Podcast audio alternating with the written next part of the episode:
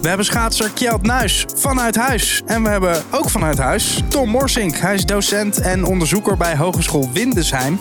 En voorvechter voor meer aandacht voor eenzaamheid onder jongeren. We gaan het hebben over eenzaamheid. Ik ben Justin Verkijk. Welkom bij Red Bull Oor College.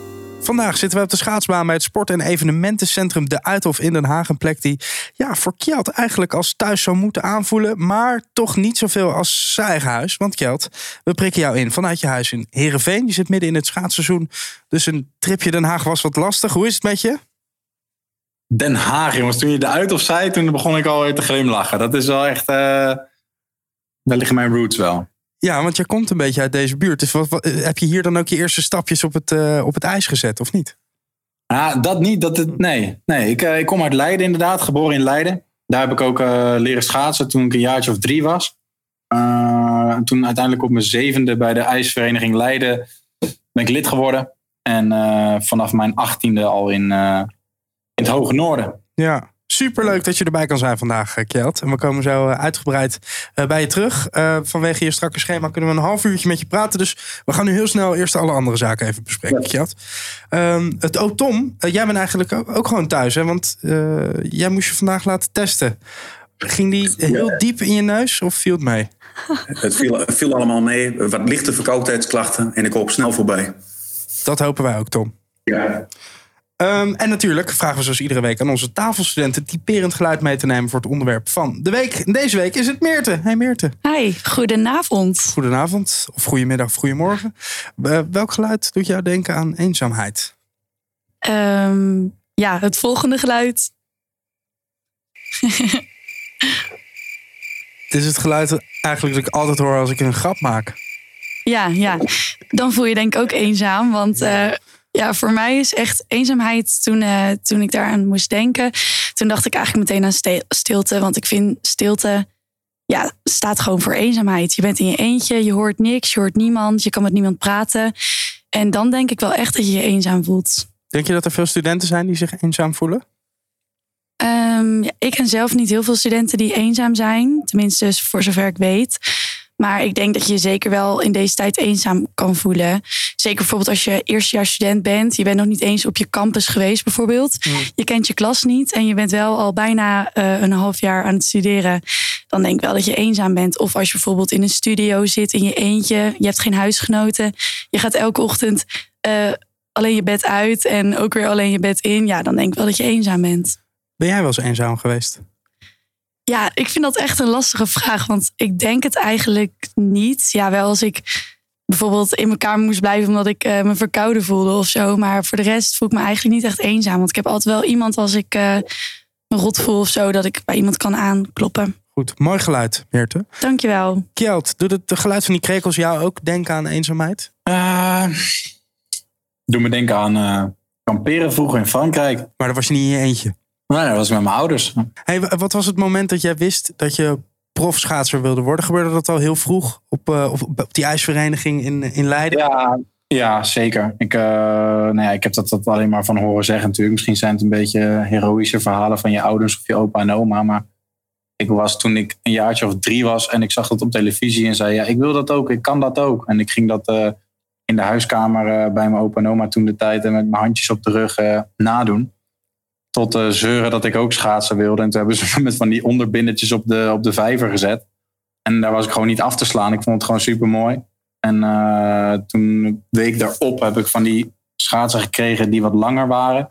Dan met vier van die kleine ijzertjes. En dat ging eigenlijk best wel lekker. En toen uh, op mijn zevende organiseerde de Leidse IJsvereniging, de IVL, organiseerde een scholenploegenkampioenschap allerlei scholen vanuit Zuid-Holland. Uh, district Sassenheim moet ik zeggen. En uh, van al die leerlingen won ik dat uh, toernooi. En toen ben ik lid geworden bij de IVL. Wauw, gelijk het eerste ding waar je mee aan meedeed heb je dus gewonnen. Ja, nou ja, kijk, ze stelde geen reet voor, maar ik heb daar, ik heb daar toevallig, ik heb ook via Red Bull nog een, uh, een hele mooie documentaire van mij gemaakt. En toen moest ik beelden verzamelen van vroeger en die had ik gelukkig nog. Maar ik, ik zit daar ook echt, ja, dan krijg ik wel een beetje plaatsvervangende schaamte ook. Maar dat, uh, ik voelde me toen wel even Rientje Ritsma, zeg maar, toen ik daar op zo'n klein podiumpje stond. Terwijl de, de, de keek geen kip naar. Maar ik voelde me wel echt helemaal de man. En, ja. Uh, En dat is Ja, toch ik, logisch? Ik wil gewoon heel graag die winnaar zijn. En dat, eh, nou ja, niet dat ik echt wilde schaatsen om. Toen, ik vond schaatsen zelf ook gewoon echt heel erg leuk. Eh, nog steeds wel. Alleen dat, dat, dat, nou, die drang om daar de beste in te worden, dat is er wel echt vanaf. Ja, dat heb ik wel vanaf kinds af aan. Ja, wat mooi joh. Ik, ik kan me zo voorstellen dat, weet je, je st- je staat daar dan voor het eerst op zo'n podium. Toch iets waar je je best voor hebt gedaan en, en iets dat je heel graag wilde. Eh, is, is, dat een, is dat gevoel eigenlijk hetzelfde? Want je hebt daarna eh, in je carrière nog wel vaker op een podium gestaan natuurlijk. Ja, Is dat gevoel Ja. hetzelfde gebleven of is dat toch anders geworden? Eh, het is zeker anders. Alleen eh, ja, je moet zo zien als, als jij zeven bent, dan is het gewoon twee keer trainen in Leiden op een menke, in de Menkehal. Dat is dan een halletje van, eh, ja, met een baantje van 200 meter. En dan ben je een paar jaar ouder. Dan mag je voor het eerst, wat jij zei, eh, mag je naar de Uithof. Dat is dan een 400 meter baan. En dan vind je dat al helemaal bijzonder en spannend. En ja, dan doe je voor het eerst eens mee aan, eh, aan een wedstrijdje voor pupilletjes. En dan, dan gaat dat gewoon wel goed. En het jaar daarop mocht ik dan meedoen aan het NK voor pupillen. Dus dan ben je 12 en dan rij je eigenlijk al een soort van Nederlands kampioenschap. Ja, dat is gewoon echt super leuk. Weet je wel? Dat was, eh, als ik daar aan terugdenk, eh, dat is gewoon super mooi. Dan gingen we met een auto vol met, met, eh, met kids uit Leiden die dan zich geplaatst hadden voor het NK. moesten we naar Groningen. En dat NK begon s morgens om 7 uur. Dus we moesten echt om 5 uur in de auto zitten. Ja, weet je, dat zijn gewoon die dingen. Dat, dat, dat is echt. Ja, is gewoon prachtig. En, maar ja, dan, dan, dan gaat dat met een sneltreinvaart naar eh, bijvoorbeeld een gewestelijke selectie. En daarna naar Jong Oranje. En dan in een commercieel team vanaf je achttiende. En nu is dat al eh, elf jaar zo. Ehm, alleen ja, er, gaat niks op tegen, een, eh, tegen een, een podium op een Olympische Spelen. Maar ik weet wel dat als ik terugdenk aan de podia waar ik op gestaan heb. Dat elke keer de eerste keer, bijvoorbeeld de eerste keer een Nederlandse titel winnen. Of de eerste keer een, een wereldbekerwedstrijd winnen. Dan is zo'n podium opstappen. Ja, dat voelt, eh, dat voelt heel bijzonder, ja. Dan Ja. voel je weer even dat kleine veentje, zeg maar. Dat kan ik me heel goed voorstellen. Je, je nam ons net al een beetje mee eh, de, de, de route die je hebt bewandeld. Eh, dus echt wel vanaf jongs af aan al besloten om voor die sport te gaan. Heb je, Ja. eh, wat voor keuzes heb je moeten maken om je daartoe te leggen? Nou ja, eigenlijk dus niet zo superveel. Ehm ik heb niet een verhaal van. Ik, ik, ik, deed, ja, ik deed wel veel dingen, maar dat is. eh, ik ben met schaatsen gewoon. Dat was het allereerste wat ik deed. Dus ik heb daar niet. ehm, dat ik het. eh, zeg maar wat. Als ik het op mijn twaalfde was gaan doen en ik was aan het voetballen en ik moest een keuze maken, zo was het niet. Ik heb gewoon. Ik vond het super gaaf al vanaf dat ik heel klein was. En da- daarnaast heb ik eigenlijk altijd geskate. Ehm, inline skaten en skateboarden. Gewoon in van die skateparkies met vrienden en alles. En eh, ja, ik denk dat dat de enige keuze is. Of de, ja, hetgene wat ik heb moeten laten schieten. Omdat ik er gewoon eh, te veel tijd aan kwijt was. En dat het te gevaarlijk was. Hmm. Ehm, dus ja, dat is het enige wat ik... eh, Nou ja, je opleiding misschien. Je hebt, je hebt het VWO. ja, nou ik denk dat het grootste kantelpunt in mijn eh, carrière, als ik het zo moet zeggen, dat dat is, ik was een jaartje of 12, 13, heb ik best wel een heftig auto-ongeluk gehad. Ehm, dat was ook op weg naar de Uithof. Wij, wij reden toen mee met zo'n ja, groepje wat aan carpoolen was van de IVL. En toen reden we bij een, eh, we zaten, ik zat achterin bij een moeder van een, eh, clubgenootje. En ja, die reed achterop een eh, stel auto's in de, in de file op de A4. En ik had geen gordel om. En ik zat achter haar, dus ik, ik, schoot met mijn kop tegen het zijportier. Wat, wat toen de tijd in de auto's nog gewoon van metaal was. En dus toen eh, brak ik mijn oogkas op meerdere plekken. Mijn jukbeen brak. Ik had een zware hersenschudding en ik had eens een snee in mijn kop. Eh, en toen heb ik er gewoon eh, ja, bijna een jaar uitgelegen daarna. Zo. En dat, dat is net op zo'n leeftijd dat, ja, zeg maar 12, 13, 14. eh, sommige boys die krijgen al eh, haar op een borst, om het zo maar te zeggen. En ik bleef echt een klein mannetje, omdat er gewoon zoveel energie in mijn herstel ging zitten. En ehm, ik zat toen de tijd al in de, in de selectie van het gewest Zuid-Holland. En ja, ik moest, ik moest pleiten. Dus ze hebben mij gewoon weggestuurd, eruit, eruit gezet. En ehm, ik moest het zelf maar uitzoeken. En toen heb ik wel een gesprek met mijn vader gehad. Ik, heb, ik ben nooit gepusht of iets dergelijks, maar hij heeft mij toen wel ja, een spiegel voorgehouden van oké jongen, je bent nu eh, je bent 13. Ehm, ja, of nee, ik was 14 was ik, was 14. En ehm, hij zei, je, ja, je kan nu, eh, ik vond skaten ook nog wel leuk. En ik, hij zei, je komt nu op een leeftijd, eh, volgend jaar maar ga je uit. Je bent, je, komt een hoop komt op je pad.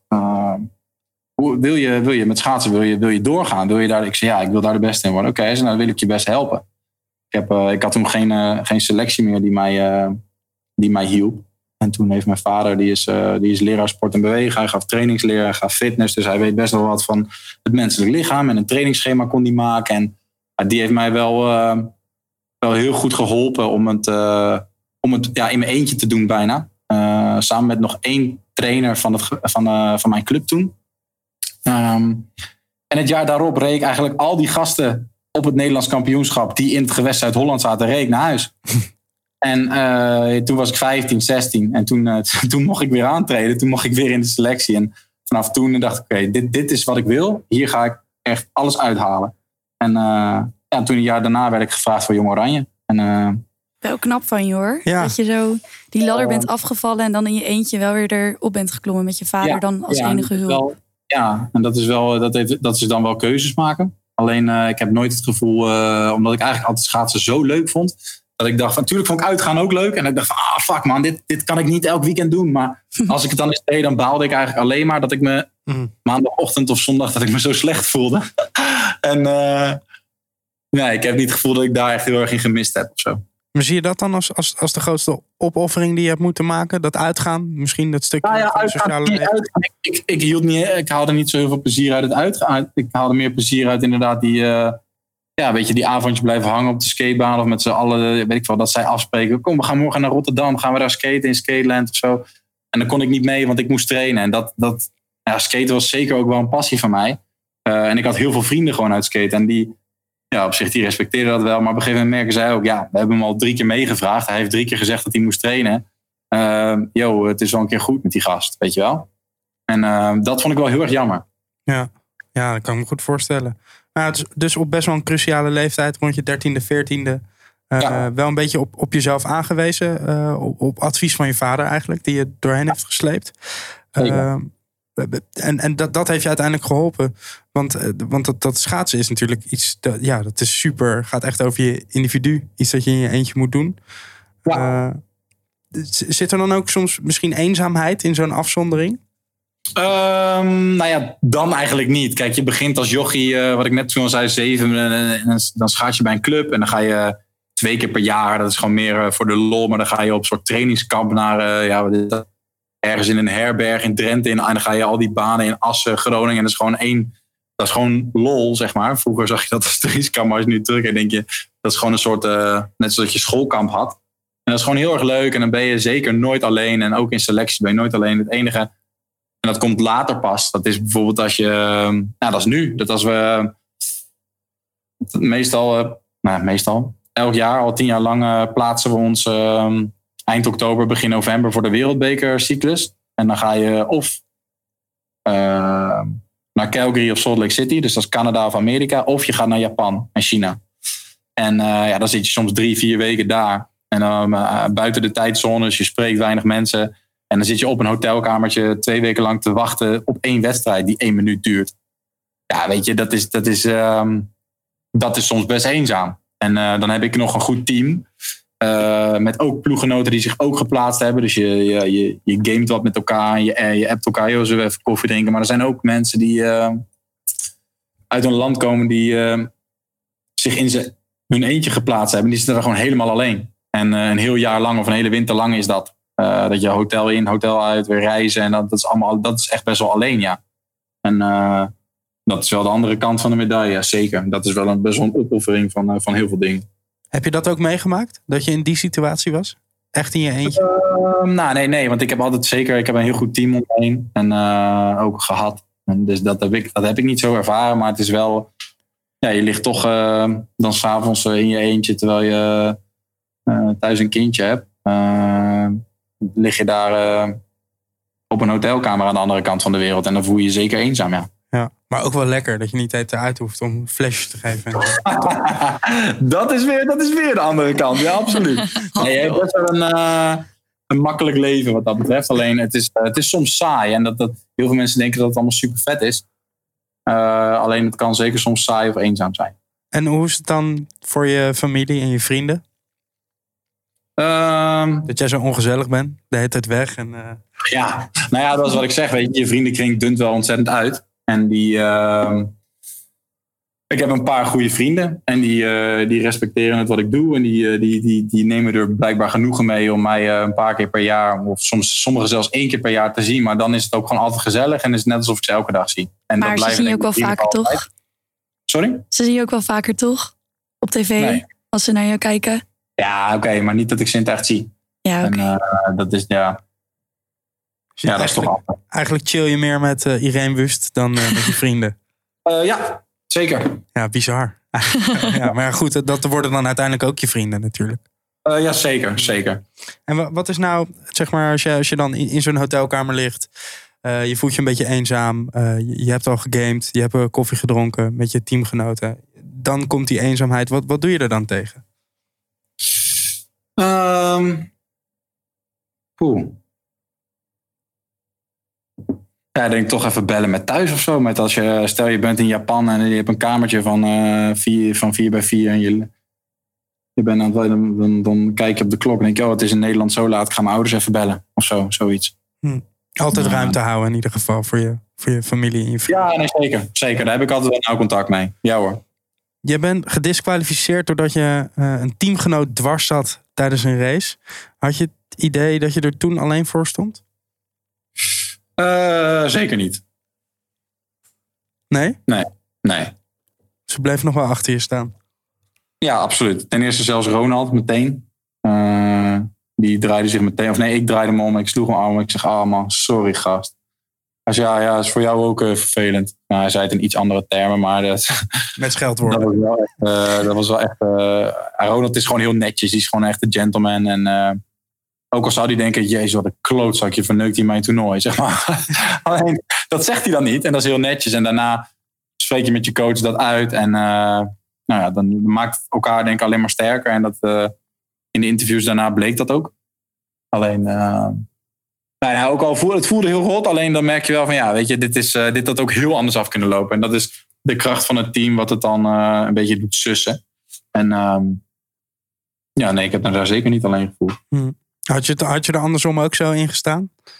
Nee, Nee? nee. Wat had jij gedaan Nee, ik dan? had dat in eerste instantie. Nou, ik ben misschien eh, iets. eh, nou ja, assertiever wil ik niet zeggen, maar ik ben. eh, nou, ik flap er meestal meteen wat uit. En dan heb ik daarna misschien spijt van. Dan dat ik heel netjes denk van: oh ja, ik kon er eigenlijk niks aan doen. Maar ik zeg. Ja, ik weet niet wat ik had gezegd. Je eerste succes was tijdens de wereldbekerfinale in 2010 in Heerenveen. ja, klopt. Hoe voelde dat? Ja, heel mooi. Dat was, eh, ik stond daar op het podium met twee, ja, het waren mijn concurrenten, maar ik, ik was echt fan van die gasten, weet je. Eh, zij waren toen eh, richting de 30 en ik was net 19. En zeker Shawnee Davis, die achter mij tweede werd. Ehm, dat was echt een, kan je wel een idool noemen. Dus eh, dat voelde heel apart, ja. Er zijn ook eh, natuurlijk momenten dat het, eh, dat, dat het net misging. In 2014 plaatste je jezelf niet voor de winterspelen. Hoe, hoe ga je dan om met zo'n teleurstelling? Nou, die deed wel heel veel pijn, moet ik zeggen. Ja, die deed echt wel heel veel pijn. Ik had. daar heb ik ook wel, daar heb ik best wel lang over gedaan om dat een plekje te geven. En welke mensen zijn er dan voor je op zulke momenten? Hmm, Of doe je dat juist alleen? ja, ja heel, heel veel mensen zijn er voor je, maar uiteindelijk moet je het alleen oplossen. Alleen. eh, ehm, ik ben daarna, zeg maar, dat, is- dat is niet meteen, maar dat is twee jaar later ben ik ook met eh, mentale training begonnen. En heb ik een mental coach eh, gezocht. Eigenlijk, en daar ben ik via, via de groepsapp van de Red Bull atleten heb ik gewoon gevraagd van, hey jongens, wie heeft er van jullie heeft een mental coach? En eh, toen zei eigenlijk negen van de tien, die zeiden ik, ik, ik. Terwijl ik dacht van, oeh, ik had daar nog nooit Mietjes, van zei toen. Mietjes. Ja, echt. Stelletje, Nee. Nee, tuurlijk niet. Nee, maar dat had ik, weet je, in het schaatsen. Ik had nog nooit iemand gesproken die dat deed. En ehm, ja, toen ben ik daarmee begonnen. Ik heb daar, ik heb daar wel heel veel kracht uit gehaald. Wat gek dat je nog nooit... Dat, dat, dat Ja, iets- maf, hè? Het is zo apart. Ja, Want ik zou ja, ja, zeggen dat het juist daarvoor... Zeker als je zoiets solo doet... Dat je dan juist die, zo'n mentale steun heel goed kan gebruiken. zeker. En eh, hoe vaak hoor je niet na een wedstrijd van... eh, ja, ik, zat, ik, was er niet, eh, ik zat er niet helemaal lekker in. Of Ja. ja. was, ja, maar dat, wel je, ja, Als je het even heel plat zegt van dat rondje, dat doe je honderdduizend keer. En waarom gaat het dan in de wedstrijd niet goed? Zou je zeggen. Hmm.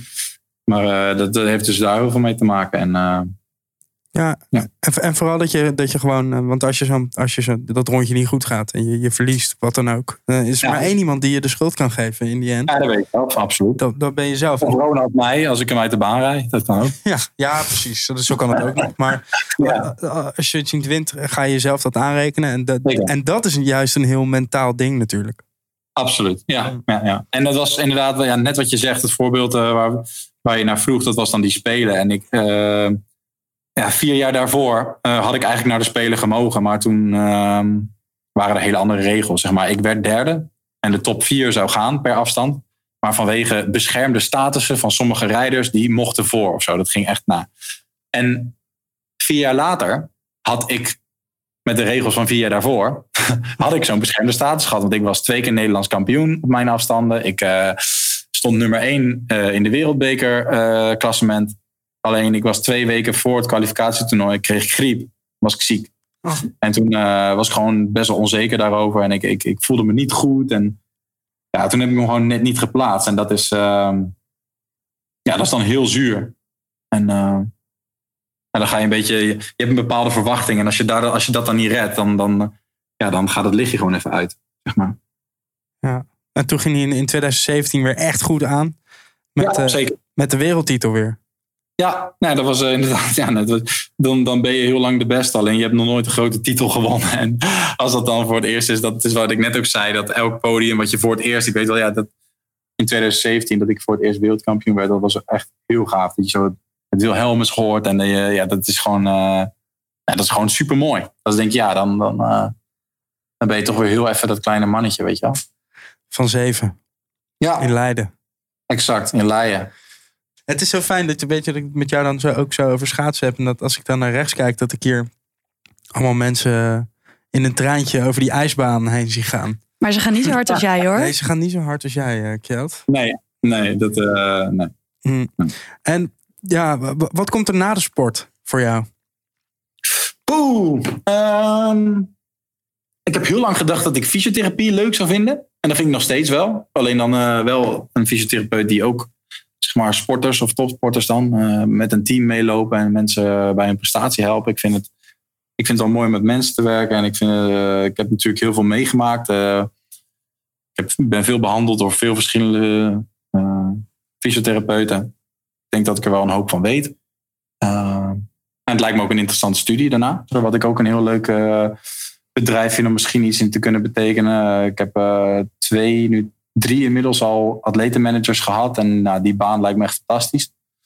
Eh, atleten te begeleiden bij hun, eh, om hun droom te verwezenlijken en ze, en ze vleugels te geven.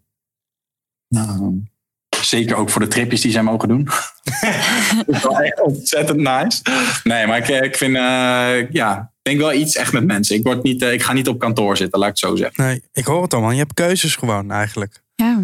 Ja, dat weet ik nog niet. Dat is puur maar als ik eventjes in mijn eigen hoofd kijk. En als ik, als ik, eh, als ik alles mag doen, dan, Ja. dan Ja, maar je hebt mensen die hebben geen flauw idee, toch? Die, die vallen in een zwart gat, maar jij komt met opties. Ik val zeker niet in de zwart gat. Nee, dat durf ik wel te zeggen. Ja. Nee, mooi man. Goed, Kjeld, thanks voor je tijd.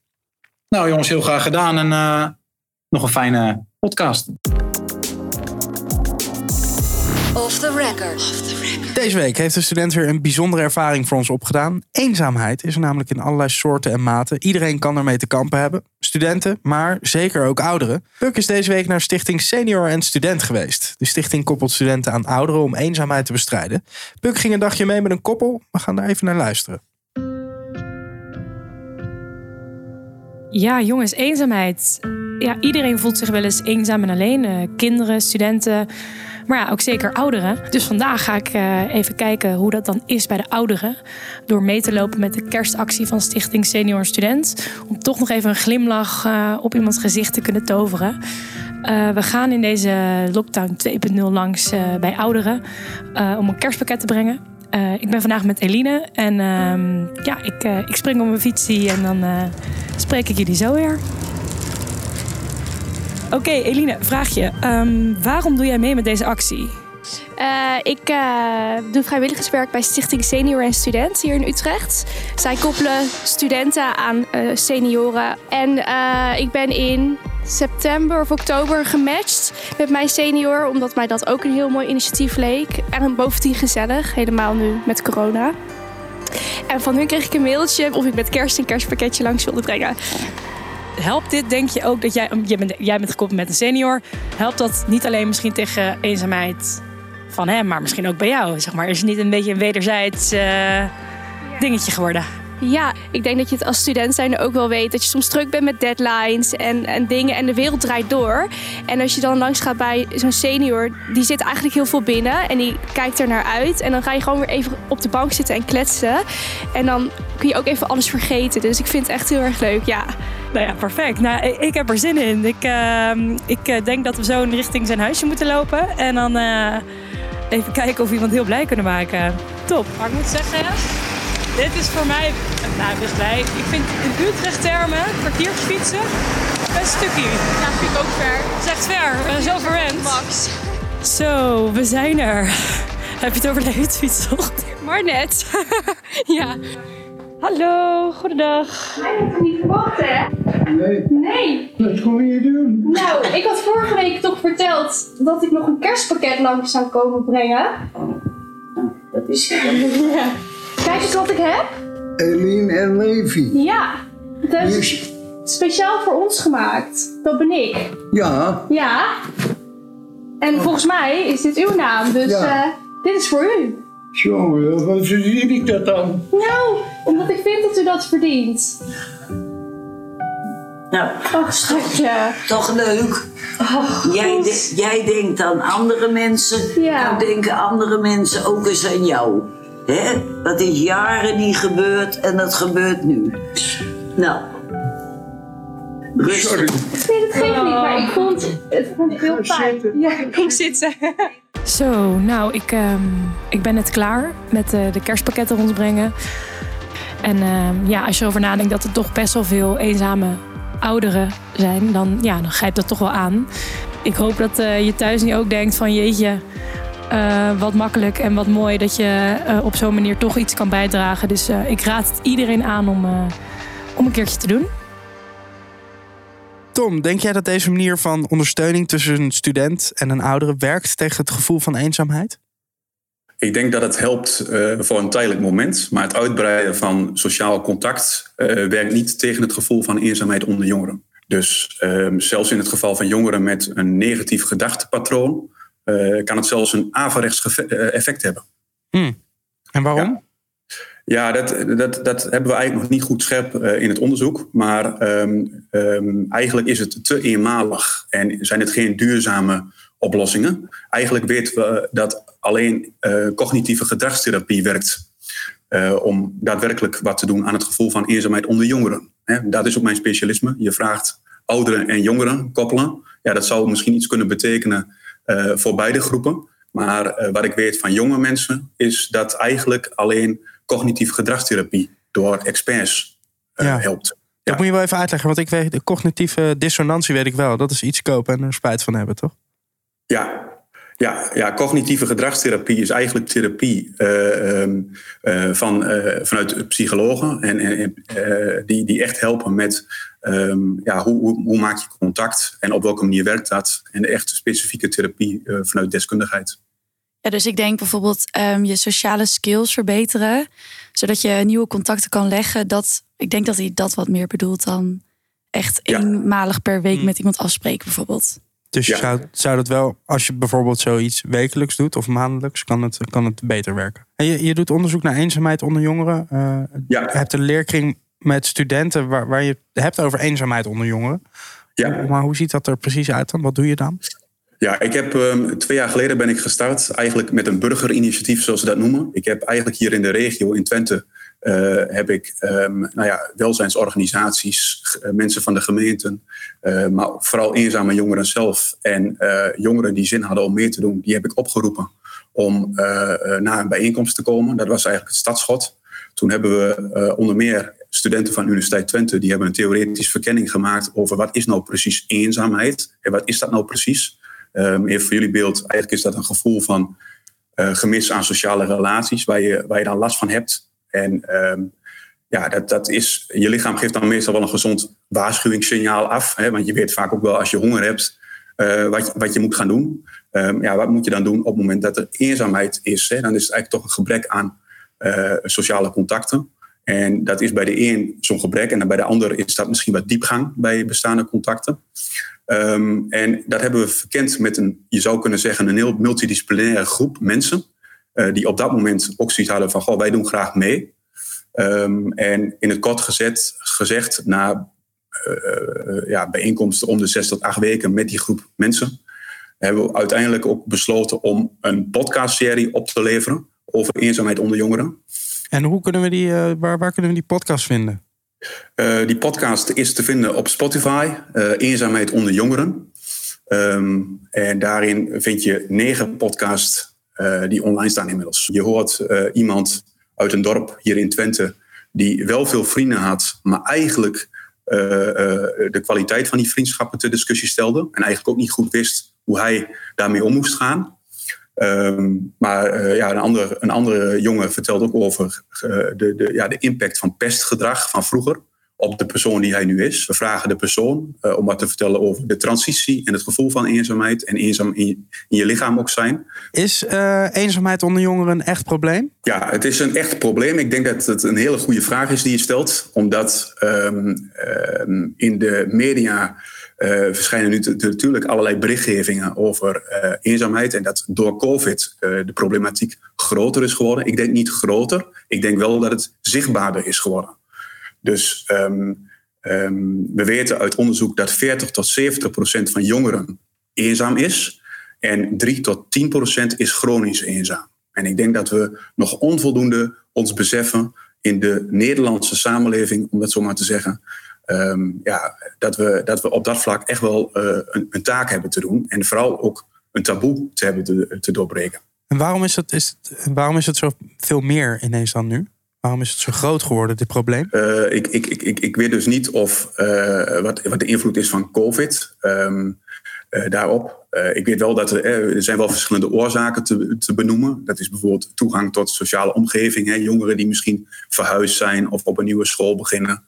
Um, maar je kunt je ook voorstellen, dat zei ik al net, hè, uh, mensen die gepest zijn vroeger en die te kampen hebben mentaal, met mentale of fysieke problemen. Um, jongeren die problemen hebben met sociale vaardigheden, hè, die moeilijk een gesprek kunnen starten of aansluiten kunnen vinden in nieuwe groepen.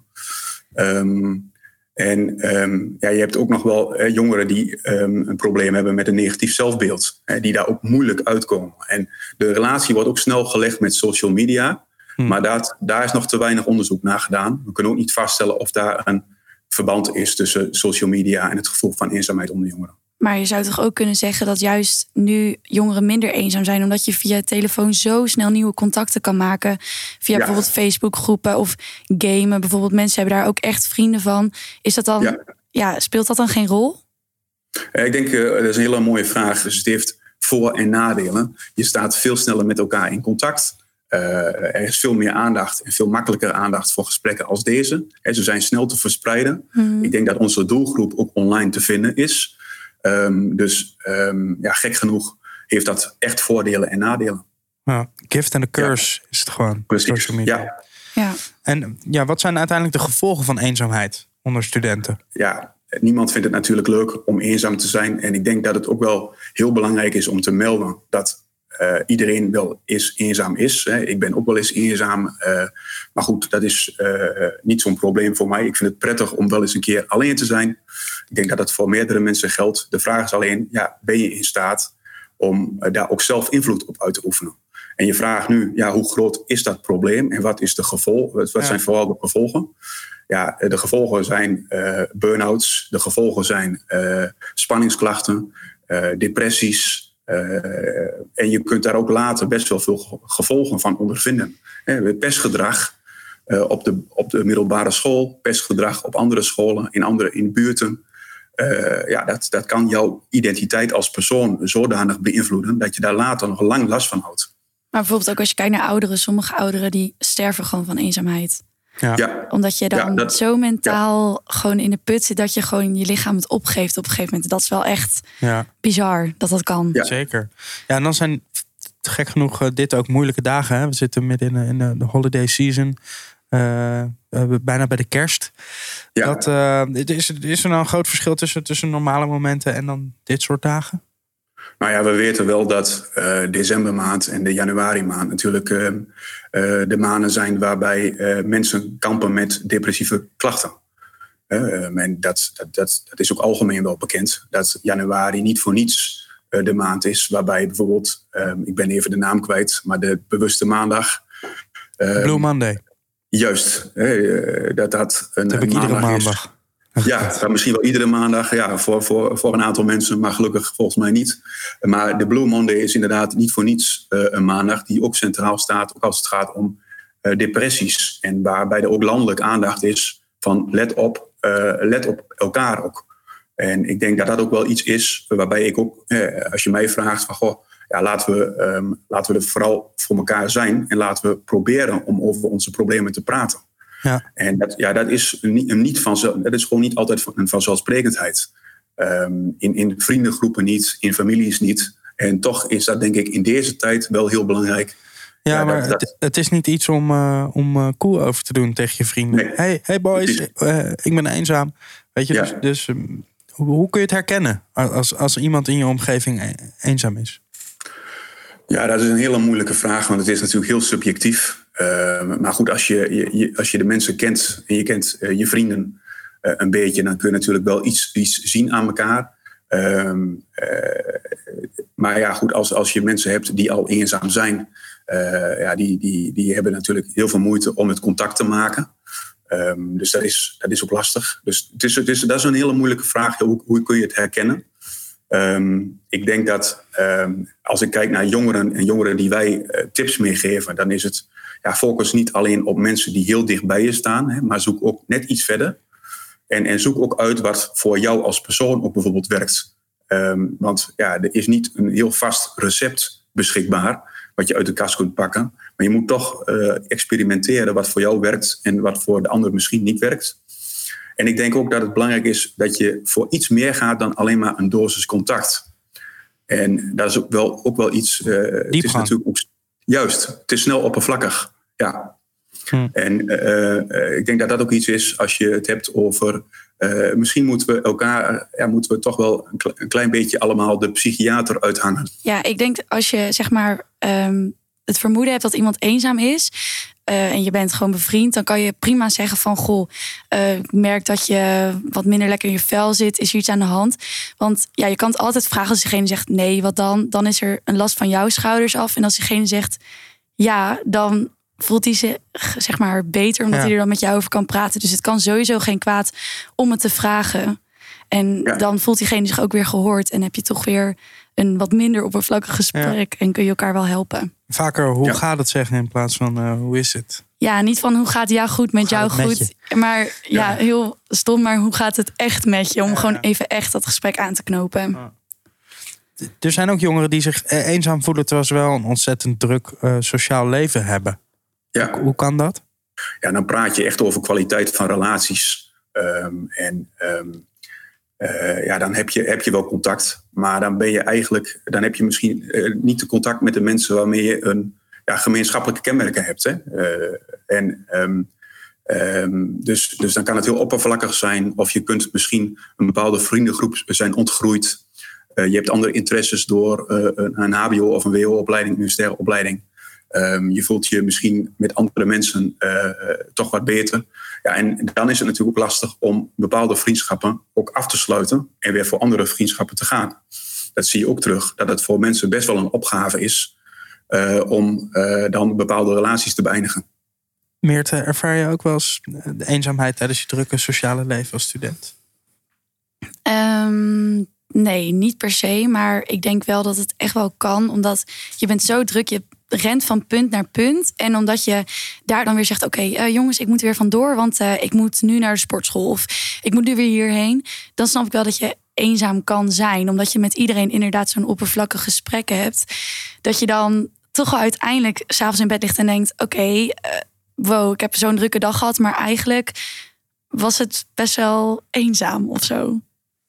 Ja, en dat is volgens mij ook dat je dan, als je wel de hele tijd onder de mens bent, maar toch eh, eenzaam bent. Ik heb dat ook wel eens gehad. Dat, dat voelt gewoon heel gek Ja, eigenlijk. Want je denkt van ja, ik mag niet zeuren, ik heb allemaal mensen om me heen. Maar uiteindelijk ja, is het toch soms die diepgang inderdaad die je... ja, of dat je misschien geen connectie voelt met de mensen met wie Ja. je in een groep zit. Dan snap ik wel dat je je eenzaam voelt, terwijl je eigenlijk met heel veel mensen bent. Ja. Ja, ja en het is, het, het is ook, eh, hè, je, je spreekt ehm, niet altijd online natuurlijk in vertrouwen met elkaar. Ehm, ik bedoel, eh, als ik eh, mijn eh, vriendengroep aanspreek op Facebook, dan zijn dat natuurlijk niet allemaal mijn echte vrienden, om het zo maar te zeggen. Dus ja, dan spreek je ook niet altijd in vertrouwen, zoals dat mooi heet. Ja. Ehm, dus ja, wat is dan ook echter verbinding zoeken? Dat, dat, ja, dat is natuurlijk dat is een, een veel beter geluksgevoel, zou je kunnen zeggen, misschien wel, dan samen oppervlakkig, oppervlakkig feesten. Eh, en ik kan me voorstellen dat menigeen nu vooral heel erg behoefte heeft ook aan een goed feest. Ehm, maar eh, op de, qua houdbaarheidsdatum is denk ik een goed gesprek het beste. Is dat dan ook de perfecte manier om iemand te helpen die eenzaam is? Ja, toch, toch denk ik proberen om eh, in dat vertrouwen met elkaar, om dat in een, een, een, ja, een kampvuurgesprek, om een mooie metafoor te gebruiken, maar om wel echt een goed gesprek met elkaar te voeren. En eh, die mogelijkheid hebben we natuurlijk nog altijd. Hè. Je kunt wel afspreken in klein comité, ook naar, eh, ook naar aanleiding van allerlei maatregelen die de overheid met COVID wel eens eh, vertelt. Ehm, dus je kunt altijd wel in klein comité afspreken. Ehm, en er is tijd om elkaar te ontmoeten. En ik zou daar dan ook dankbaar gebruik van maken. Gaan we zeker doen. Try this at home. Ja, we zijn er eh, bijna, maar nog niet helemaal. Eh, we sluiten altijd af met een concrete tip aan de luisteraar, waardoor de studententijd net even een stukje beter wordt. Of in dit geval iets minder eenzaam. We willen ervoor zorgen dat de eenzaamheid minder kans krijgt om in je hoofd te kruipen. Eh, en, en Tom heeft daar wel een idee over. Toch? Ja, zorg dat je eh, prikkels opdoet en andere prikkels opdoet dan in je werk, in je eh, bijbaan of met je studie. Maar zorg er ook voor dat je af en toe naar buiten gaat voor een wandeling met je buurvrouw of alleen even buiten zijn en eh, even eh, wat andere eh, dingen aan je hoofd. Ga je dit proberen, Meerte? Ehm, ja, ik denk dat ik al wel veel prikkels heb, maar wel inderdaad wat diepgaander. Dus in plaats van appen, even een keer bellen of zo. Dat is wat enger en soms is het een beetje ongemakkelijker, maar je haalt er wel meer uit dan uit alleen een WhatsApp-gesprekje bijvoorbeeld. Dus ik denk dat dat wel meer prikkels zijn. Eh, nou, laat de goede prikkels maar komen. En eh, als jij hier nou mee aan de slag gaat, deel dat dan via hashtag Red Bull College. Nou, Kjeld hadden we al gedag gezegd, hè? dus hoef ik alleen nog maar Tom en Meerte te bedanken. Eh, dit was hem. Dank jullie wel voor het interessante gesprek en de mooie woorden. Volgende week zijn we natuurlijk weer met een nieuwe Red Bull Or College op hetzelfde kanaal, maar ook in alle andere podcastkanalen. En vind je deze podcast leuk? Geef ons dan 5 sterren in Apple Podcasts. En dank daarvoor alvast. Doei! Doei doei! Doei!